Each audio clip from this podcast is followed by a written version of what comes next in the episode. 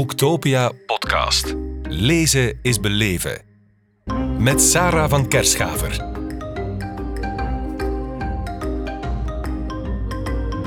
Katelijn Nijsmans, welkom in onze podcast hier op Boektopia in Kortrijk. Dankjewel. Dag Katelijn.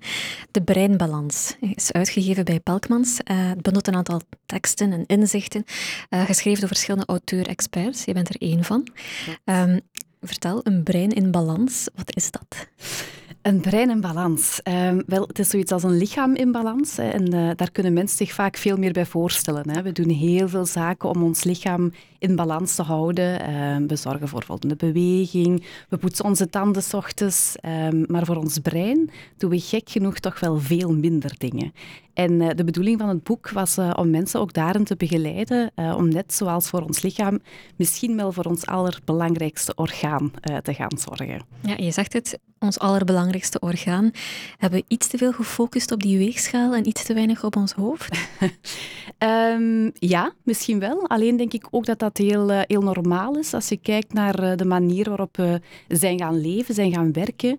Um, nu, de overgrote meerderheid van de mensen zijn kenniswerkers. Hè. We, we, gebruiken niet, niet, meer onze brute fysieke spierkracht, maar vooral onze breinkracht. Dus ik denk ook wel dat het logisch is dat dit een topic is dat nu pas echt veel meer aan bod komt. Ja, ja. Ja, jijzelf, uh, je bent professioneel bezig met uh, opleiding naar een onderzoek rond 21st century skills. Uh, wat, welke skills zijn dat? Welke vaardigheden moet je vandaag kennen en kunnen? Um, wel, het, het, zijn er heel, heel wat. Hè. Uh, zeker als je kijkt naar, uh, ja, naar de kenniswerkers van nu. Um, ik denk dat uh, een van de skills die nu wel heel belangrijk aan het worden is, um, de balans vinden met digitale schermen bijvoorbeeld. Ja. En dat is een heel nieuwe skill.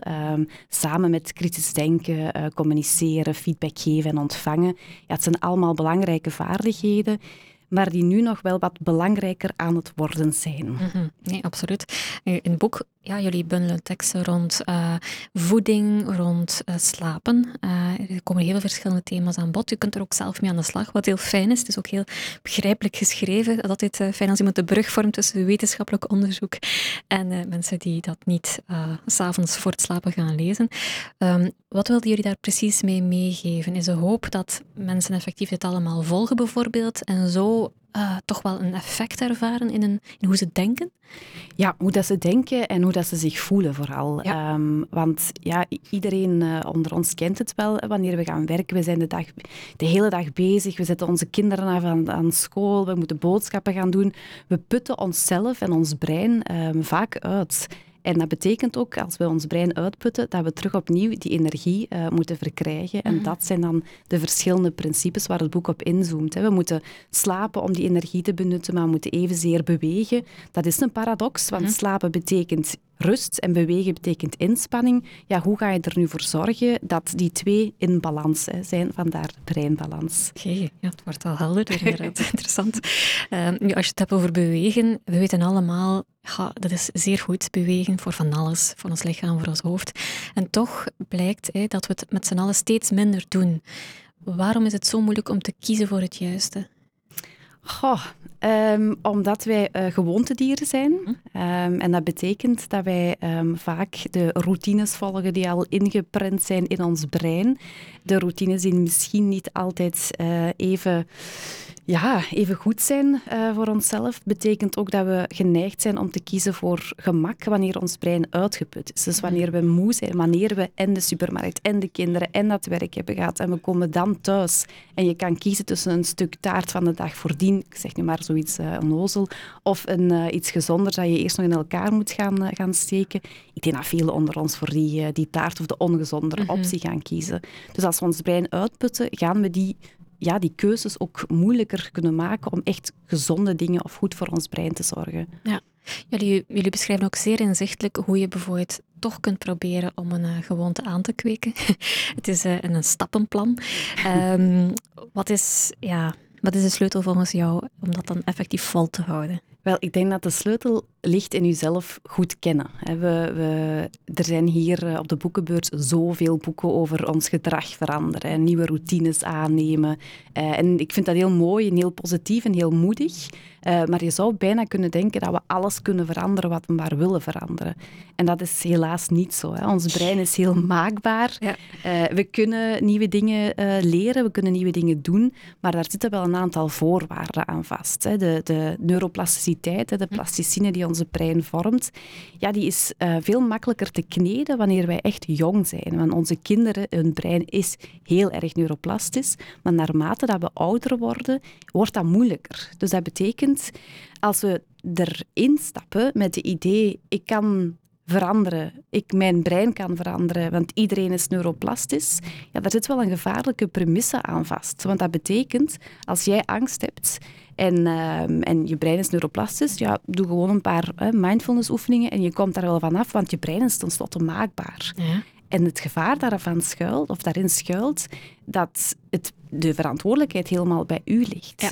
Terwijl die ligt niet helemaal bij u. Een groot stuk wel, maar niet alles. En wanneer we weten wie we zijn, wanneer we weten wat onze breinpaden betekenen, dan kunnen we daaraan vasthaken en dan kunnen we daarvan vertrekken. En dan besparen we ons misschien wel de demotivatie wanneer iets weer al eens niet lukt. Ja. Staat daar een leeftijd op? Want ik heb me altijd laten vertellen dat je je man na je veertigste of na zijn veertigste niet meer moet proberen te veranderen. ik zou die van mij nog altijd willen veranderen, maar bo, um, Uh, daar staat zeker een leeftijd op. Hè. Je, hebt, um, je, hebt, drie soorten van neuroplasticiteit. En de eerste vorm um, is een heel genetische vorm.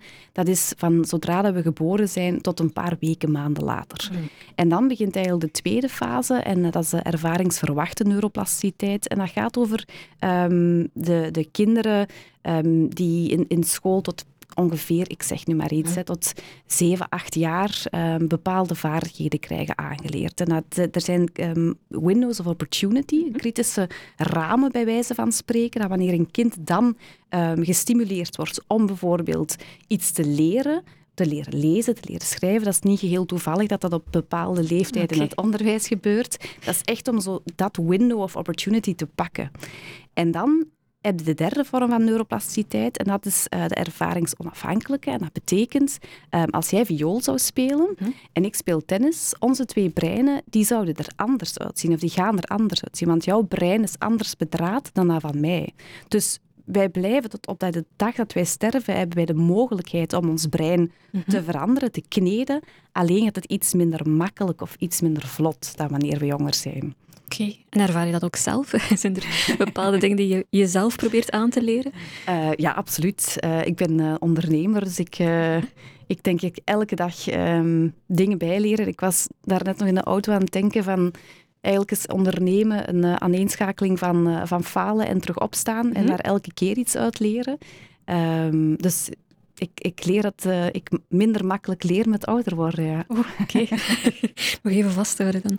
Ja. Um, in het boek wordt ook een pleidooi gehouden voor routine. We hebben het al eventjes gehad over hoe je dat dan kunt aanleren en tot welke leeftijd ongeveer dat het makkelijker gaat of niet. Um, waarin schuilt de kracht van routine volgens jou?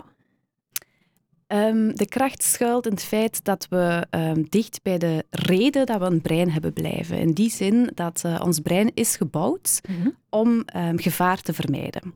Dus stel je voor, hè, je wandelt uh, op straat en je brein is eigenlijk in, op de achtergrond de hele tijd aan het kijken, is hier gevaar? Want het hoofddoel van jouw brein is om jou veilig te houden. Ja. Wanneer wij altijd nieuwe dingen en spannende dingen en andere dingen gaan doen, kost ons brein dat veel energie. Want uw brein is altijd aan het kijken, is hier gevaar, is hier een dreiging. Wanneer we in routines gaan werken, dat is veilig voor ons brein. Dus dat is veel makkelijker om daarnaast nog ruimte te hebben om andere dingen te doen. Dingen of, of energie die je liever spendeert aan een goed boek lezen of aan uh, hier uh, een podcast komen luisteren, bijvoorbeeld. Oké. Nu, alles wat je hier nu tot, tot nu toe hebt verteld, hè, dat vatten jullie eigenlijk samen onder de, het model van de Healthy Mind Platter. Klopt, ja. Uh, ik weet niet of er een, een deftig Nederlands woord voor bestaat. Uh, plateau, bord. De hersenplateau klinkt misschien ja, nee, inderdaad. Maar jullie hebben inderdaad een, een, een model hè, om daar al die verschillende takken in onder te brengen. Um, Het klinkt bijna even belangrijk als de voedingsdriehoek. In die zin dat als je die kennis hebt, dat je heel goed voor je brein kunt zorgen. En als je goed voor je brein zorgt, dan zorg je goed voor jezelf en voor je lichaam. Waarom leren wij dat dan niet op dezelfde manier op school? Dat is een hele goede vraag. Hè. Ehm, dat, zou, dat zou wel mogen. Uh, dat is denk ik wel uh, iets dat meer en meer gebeurt. Hè. De, de breinkennis wordt meer onderwezen. Mm -hmm. um, toen ik neurowetenschappen ging studeren, ik kon het niet in België doen, want de richting bestond hier niet. In, ja. Um, dus ik denk dat het meer en meer gebeurt. Ik denk dat, er, dat de ouders ook veel bewuster zijn van oké, okay, ik moet mijn kinderen dat inzicht wel geven in, in het feit dat beweging, deconnectie belangrijk is. Uh, maar ik zie daar zeker nog wel een marge ter verbetering. Ja, ja. ja want de, de neurowetenschap is een vrij jonge discipline of een ja. vrij jong vakgebied. Waar wordt op dit moment nog onderzoek naar gedaan? Oeh, uh, heel veel spannende dingen. Um, ja. Iets wat nu heel hot is, um, is uh, digital well-being. Dus uh, hoe reageert ons brein met altijd aanstaan of met vaak aanstaan? En, en dat is wel een dingetje. En ik denk dat we de, de komende jaren daar nog heel veel over gaan te weten komen.